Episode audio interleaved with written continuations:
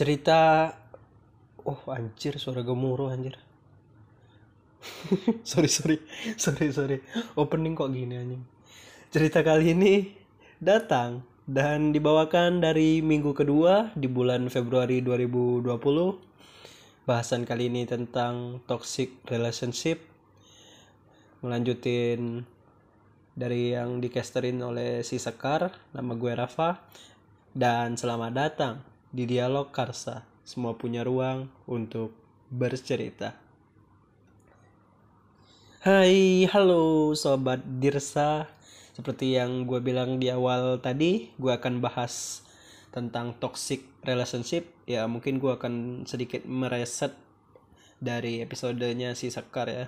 Ini jadi benar-benar dari pandangan gue sebagai cowok. Ya jadi gue akan bakal ngulang bukan ngulang juga sih. Ya pokoknya membuat pandangan gue dan beberapa cowok-cowok lainnya terwakili. Yeah. Apa sih toxic relationship itu? Ya wah anjir gemuruh lagi. Oke lah bodoh lah.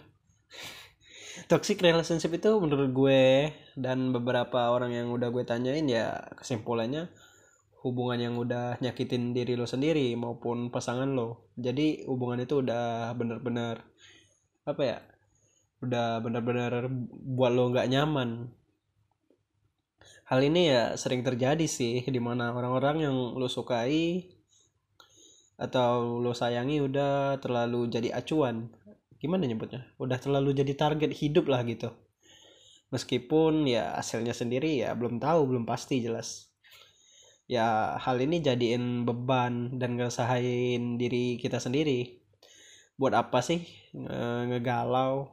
Toh misal memang membuat resah dan buat beban untuk diri lo sendiri ya berarti dia nggak sesuai dengan prinsip hidup yang udah lo tentuin sendiri. Ya kalau udah sampai titik itu sih dan nggak benar-benar udah nggak bisa diperbaikin ya gue saranin ya lo harus berhenti. Karena setiap manusia harus tahu kapan mereka harus berhenti. Ya puitis lagi kan. Kayaknya gue bakal bakal nyelipin kata-kata puitis deh tiap podcast. Ya padahal ya apa lanjut ya. Ya padahal masih banyak hal-hal yang lebih penting daripada mikirin masalah hubungan perasaan dengan lawan jenis lo. Kayak pendidikan lo karir lo yang harus lo kembangin prestasi lo ortu lo itu yang paling penting. Orang tua lo itu pasti harus dibahagiain ini belum bahagian orang tua udah sosokan mau bahagian orang lain. Uang masih minta sama orang tua gimana sih?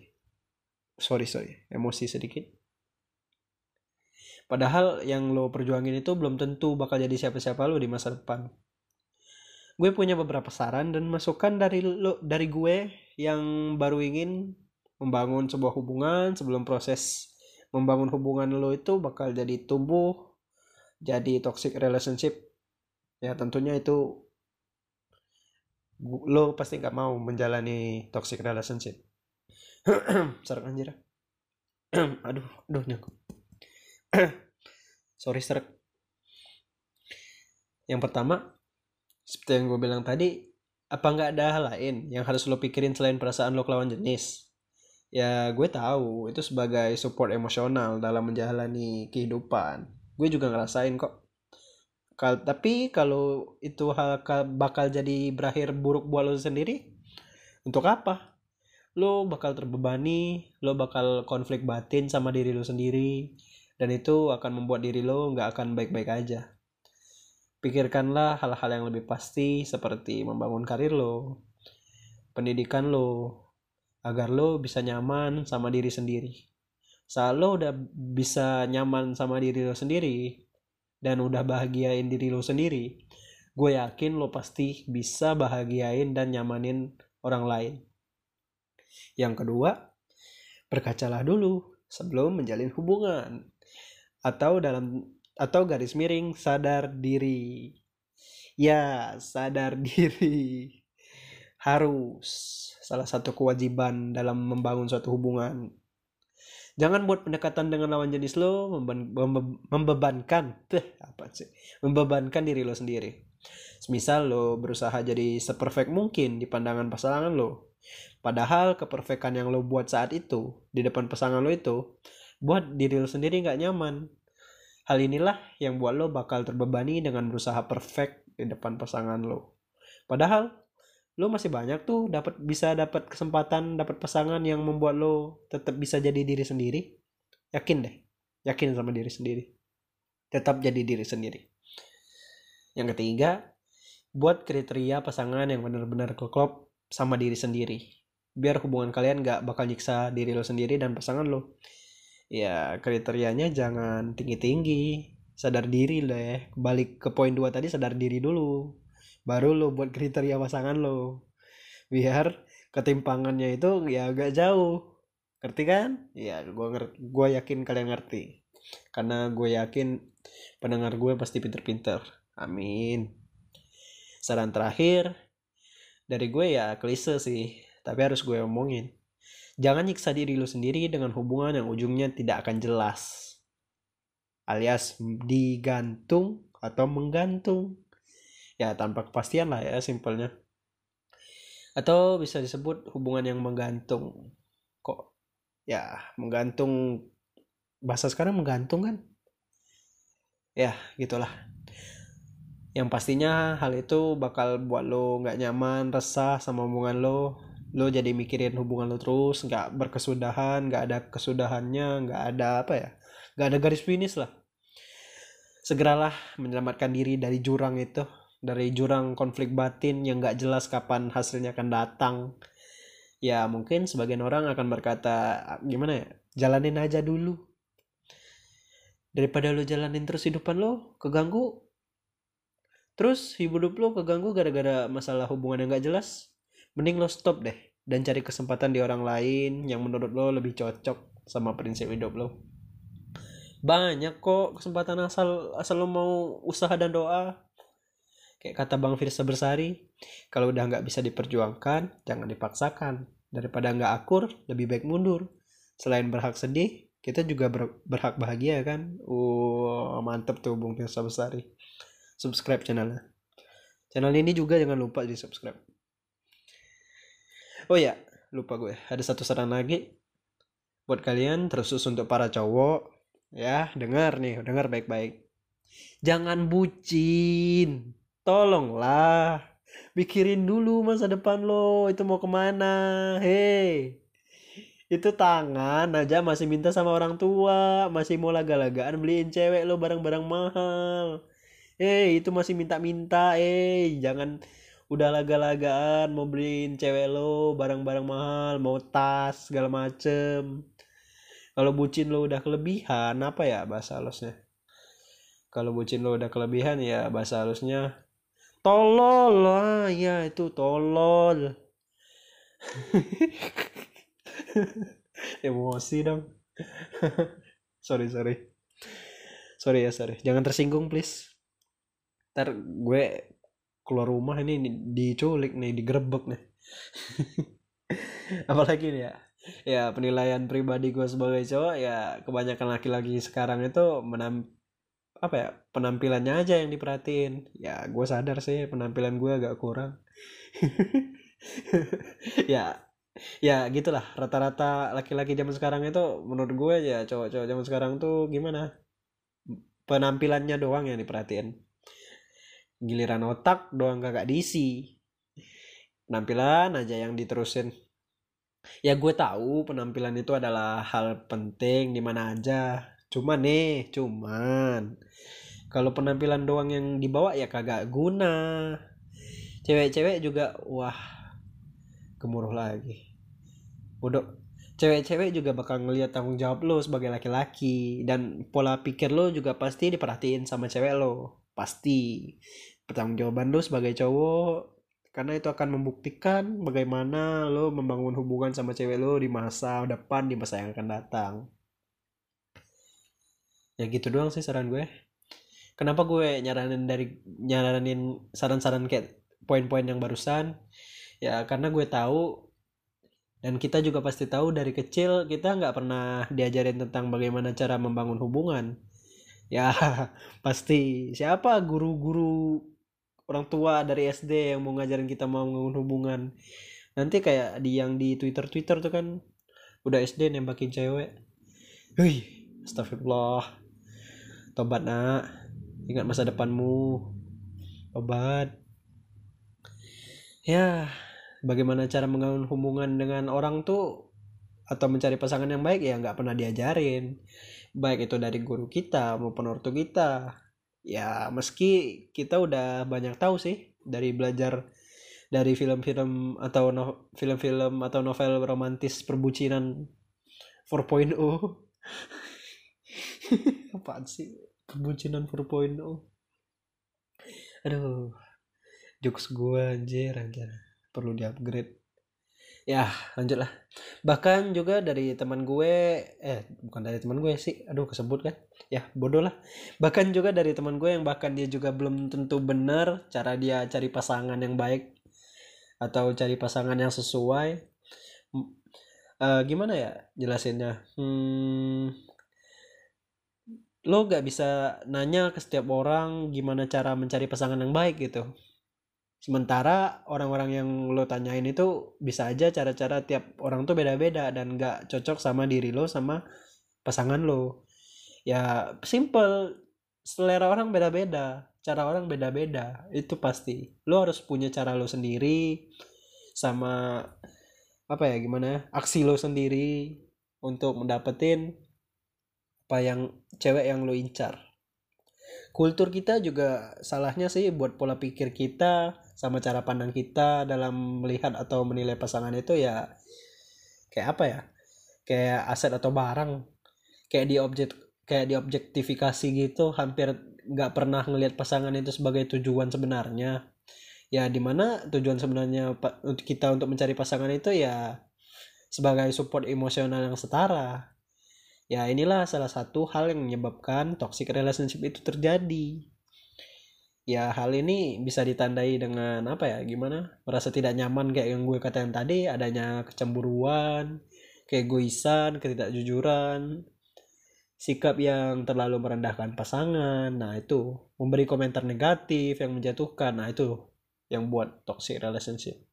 Oh iya satu lagi dan kritik yang berlebihan kepada pasangan itu jadi salah satu alasan-alasan besar terjadinya toxic relationship ya hal ini juga ya dapat menyebabkan konflik batin ke diri sendiri. Ya kenapa? Karena kurangnya komunikasi yang baik dan kejujuran di antara kedua belah pihak yang lagi ngejalin hubungan tersebut dan perlu diingat. Ya pasti setiap hubungan itu ada jembatan setiap hubungan itu ya komunikasi yang baik. Pasti. Kalau komunikasi lo gak baik ya hubungan itu juga gak akan berjalan dengan baik. Ciri-ciri dari toxic relationship itu sendiri juga ya banyak dan sering terjadi di sekitar kita. Dan parahnya kita udah nganggap hal normal walaupun dan wajar dari mayoritas lingkungan kita.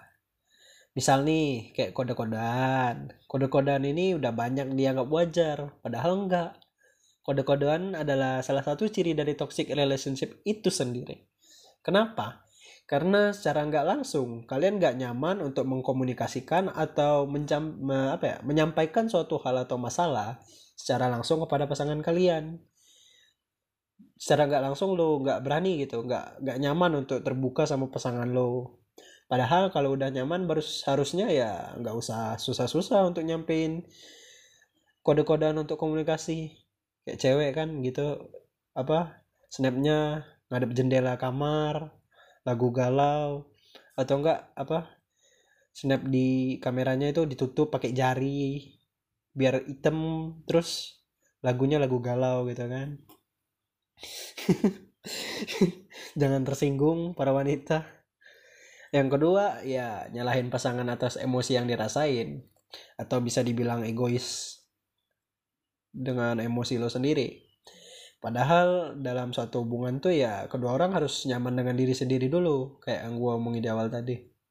Maksudnya adalah saat lo sendiri aja udah nyaman dengan diri lo sendiri, lo baru bisa buat orangnya orang lain nyaman juga. Cara ngatasinnya ya bertanggung jawab sama emosi yang lo alamin. Lo harus bisa ngendaliin emosi dan keegoisan lo. dan jangan malah curhat ke orang lain di saat lo lagi nggak nyaman sama pasangan lo itu malah jadi akan memperburuk keadaan. Ya lo ngerti lah ya. Itu bisa-bisa orang tempat curhat lo jadi baper kan? Jadi orang ketiga padahal dia nggak tahu apa-apa. Malah dikatain pelakor sama cewek lo nanti kan? Kita nggak tahu. Kita juga nggak tahu kan kalau pasangan kita juga lagi bersedih juga lagi ada uh, bencana. Kok bencana sih? Musibah. Lagi sedih. Atau semacamnya ya kita nggak tahu jangan juga menyelesaikan masalah sama solusi yang sifatnya sementara. Kayak apa ya ngasihin hadiah gitu ataupun ngajak liburan bareng. Dan yang terburuk ya nikah. Ya itu udah buruk banget sumpah buruk banget. Nyesain masalah sama nikah aja. Ya tau lah kalian ya nyelesain masalah dengan nikah itu apa ya masalahnya itu sama aja kayak lo ngeberi apa ya, memberi reward kepada perilaku buruk pasangan lo. Dan itu nggak akan menyelesaikan masalah pastinya. Adanya masalah yang ada malah akan jadi terulang kembali atau bahkan malah jadi lebih besar. Harusnya ya lo nyelesain masalah itu sampai selesai. Gimana caranya? Ya dengan melakukan komunikasi, komunikasi yang baik tentunya. Yang kayak gue omongin tadi komunikasi yang baik adalah jembatan untuk menuju hubungan yang baik. Biar nggak terjadi toxic relationship tadi. Oke? Oke. Serak juga ya. Minum dulu bentar. Alhamdulillah. Ya, lanjut. Menunjukkan kecemburuan yang berlebihan. Nah, ini nih yang sering terjadi di sekitar kita. Bahkan sampai mengekang pasangan. Lo pikir pasangan lo itu hidupnya lo doang. Mentang-mentang udah pacaran sama lo, hidup dia lo doang. Yang enggak anjing. Kesel gue. Iya itu sama aja kayak lo nggak percaya sama pasangan lo dan tentunya itu salah satu tanda lo nggak percaya sama diri sendiri atau lo pesimis sama pasangan lo gitulah nanti pasangan lo misal nih gimana ya main basket main futsal lah sama teman-temannya lo ikut terus cowoknya nongkrong sama teman-temannya lo teleponin terus nanya kabar dia gimana gimana Padahal jelas-jelas dia lagi ngobrol, ngopi, main sama temennya push rank. Astaga. Dia nggak ngapa-ngapain, dia nggak megang tangan cewek lain, dia megang tuh Mobile Legend, PUBG tuh, CODM, Call of Duty Mobile. Nggak ada. Dia nggak dia nggak ngapa-ngapain sama cewek-cewek cewek-cewek lain, dia sama teman-temannya doang padahal pasangan lo itu juga punya hidupnya sendiri nggak tiba-tiba ya kayak gue ngomongin tadi lo jadi pasangan atau pacar dia nggak semata-mata hidup dia itu untuk lo doang nggak untuk apa ya untuk merhatiin lo doang. Kita punya hidup masing-masing ya Allah. Kesel gue jadinya. Ya gitulah ya. Nah gimana caranya ngindarin toxic relationship? Selain melakukan komunikasi komunikasi yang baik kayak kayak kayak sih sorry. Keselak. Yang melakukan selain melakukan komunikasi yang baik kayak kata gue tadi biar lo hubu, biar hubungan lo jadi sehat ya komunikasi yang baik dan tepat juga akan berpengaruh positif terhadap pasangan lo. Bukan bukan cuma terhadap pasangan lo aja. Komunikasi yang baik dan tepat juga akan berpengaruh pada orang-orang di sekitar lo baik itu teman-teman lo orang tua lo saudara-saudara lo gak cuman pasangan lo aja. Cara komunikasi yang baik ialah terus mencoba melakukannya kalau gagal ya coba lagi coba lagi. Jangan cepat nyerah lah. Jangan mulai berkata jujur dan menghindari asumsi-asumsi buruk dari lawan bicara lo atau pasangan lo. Hal-hal positif maupun negatif juga harus dikomunikasikan secara terbuka tanpa alas tanpa adanya yang ditutup-tutupi agar sama-sama mendapatkan feedback yang positif berupa saran atau masukan. Menjadi pendengar yang baik dengan menghindari hal-hal yang dapat mendistraksi lo, ya juga itu jadi salah satu apa ya syarat untuk menjadi pendengar yang baik. aduh hujan lagi. Kalau ada suara hujan kresek-kresek maafin ya, ya. Dengerin aja gue ngomong. Santai kita santai.